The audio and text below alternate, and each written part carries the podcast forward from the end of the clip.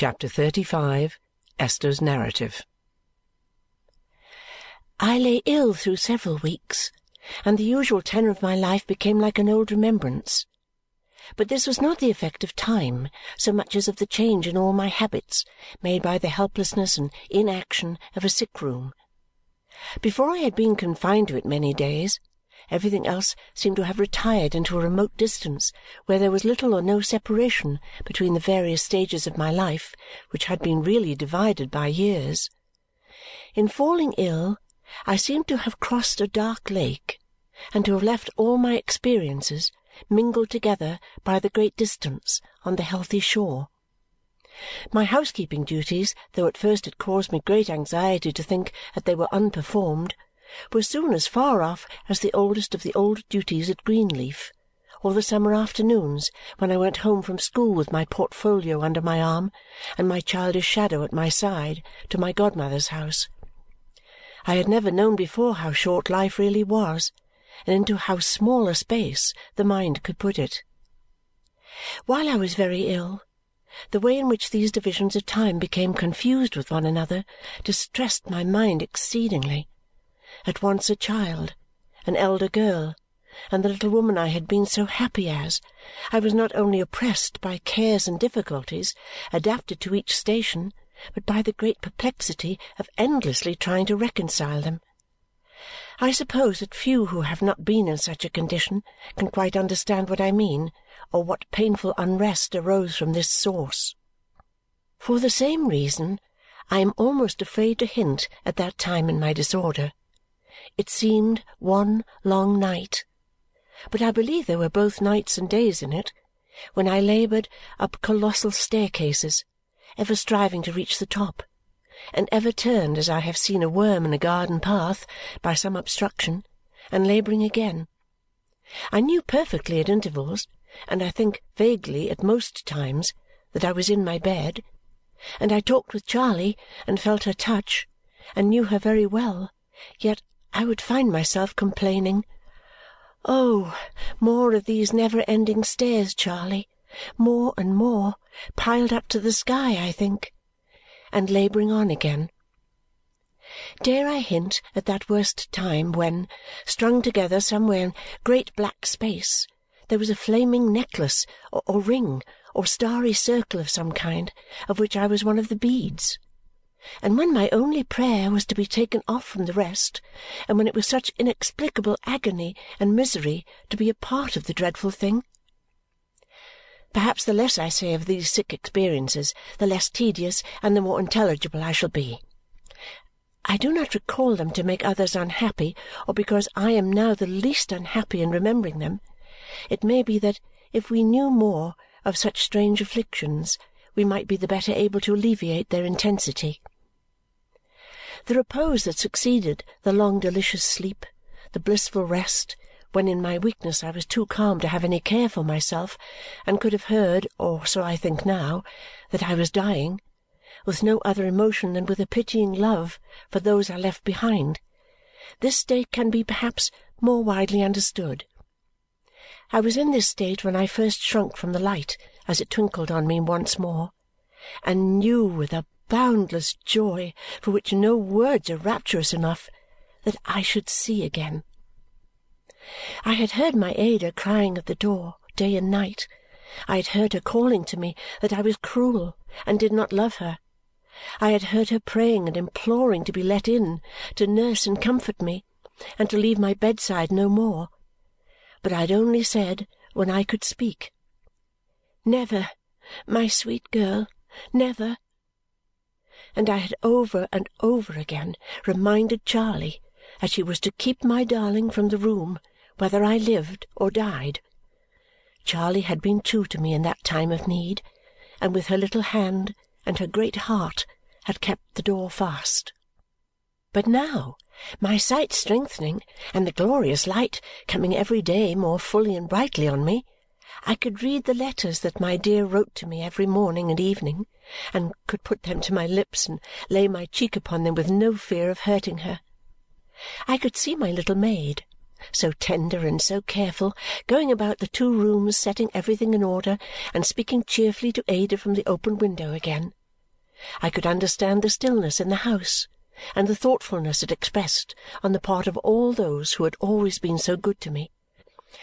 I could weep in the exquisite felicity of my heart and be as happy in my weakness as ever I had been in my strength. By and by my strength began to be restored.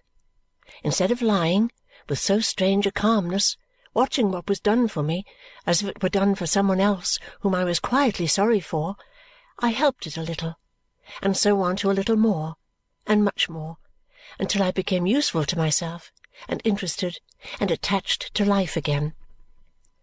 How well I remember the pleasant afternoon when I was raised in bed with pillows for the first time to enjoy a great tea-drinking with Charley the little creature, sent into the world surely to minister to the weak and sick, was so happy and so busy and stopped so often in her preparations to lay her head upon my bosom and fondle me and cry with joyful tears she was so glad, she was so glad, that I was obliged to say, Charley, if you go on in this way, I must lie down again, my darling, for I am weaker than I thought I was. So Charley became as quiet as a mouse and took her bright face here and there, across and across the two rooms, out of the shade into the divine sunshine, and out of the sunshine into the shade, while I watched her peacefully.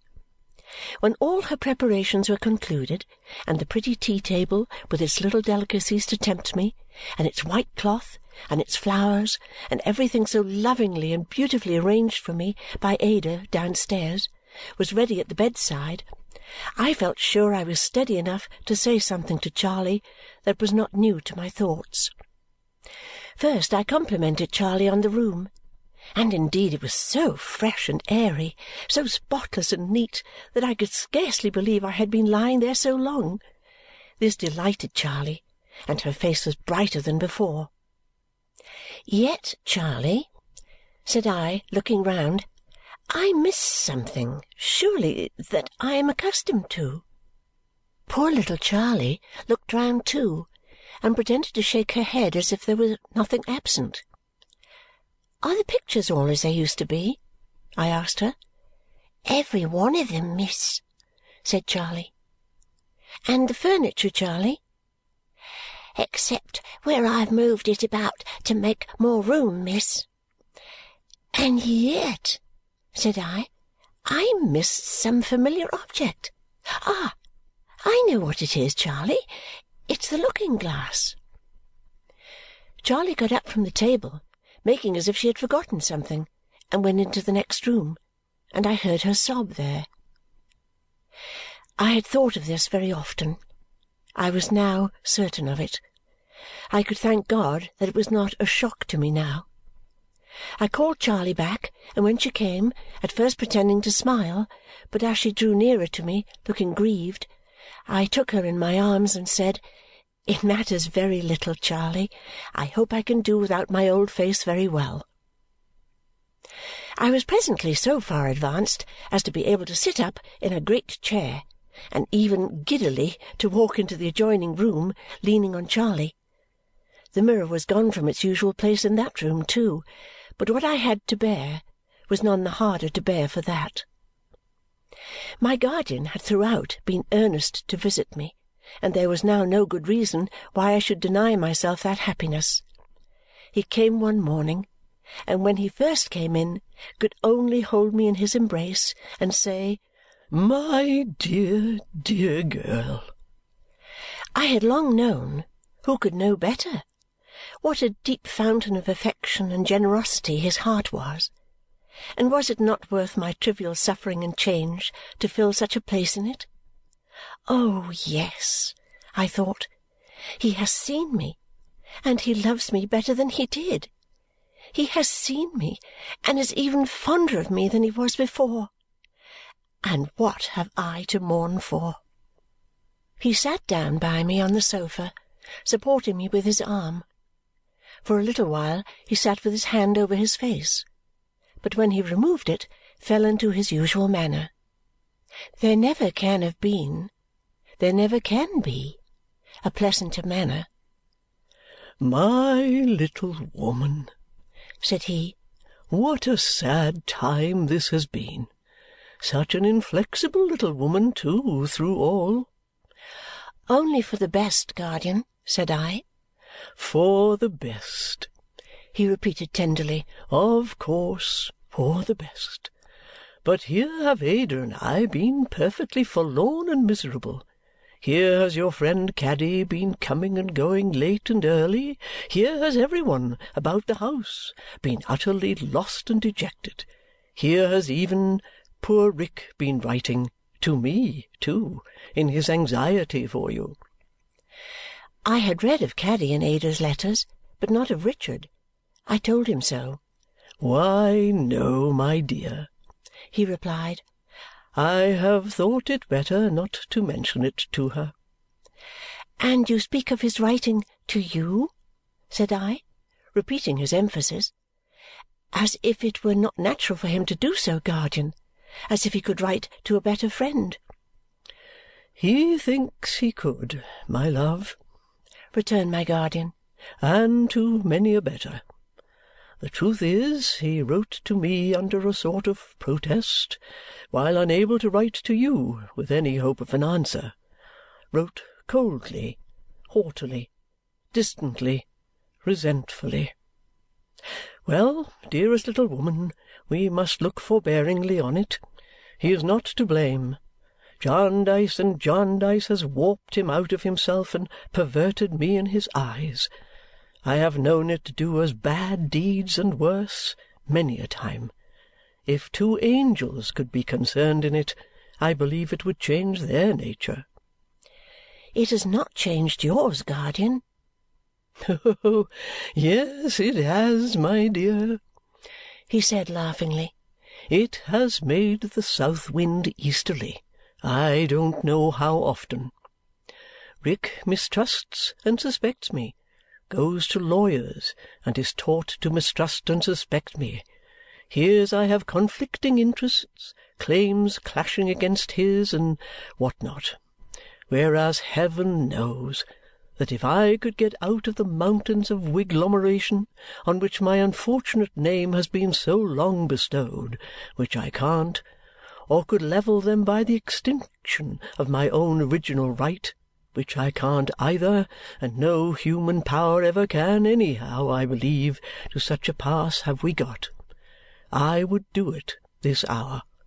I would rather restore to poor Rick his proper nature than be endowed with all the money that dead suitors, broken heart and soul upon the wheel of Chancery, have left unclaimed with the Accountant General. And that's money enough, my dear, to be cast into a pyramid in memory of Chancery's transcendent wickedness." "Is it possible, guardian," I asked, amazed, "that Richard can be suspicious of you?" "Ah, my love, my love," he said, "it is in the subtle poison of such abuses to breed such diseases. His blood is infected, and objects lose their natural aspects in his sight. It is not his fault." "But it is a terrible misfortune, guardian." "It is a terrible misfortune, little woman to be ever drawn within the influences of Jarndyce and Jarndyce. I know none greater. By little and little he has been induced to trust in that rotten reed, and it communicates some portion of its rottenness to everything around him. But again I say with all my soul, we must be patient with poor Rick and not blame him. What a troop of fine fresh hearts like this have I seen in my time, turned by the same means!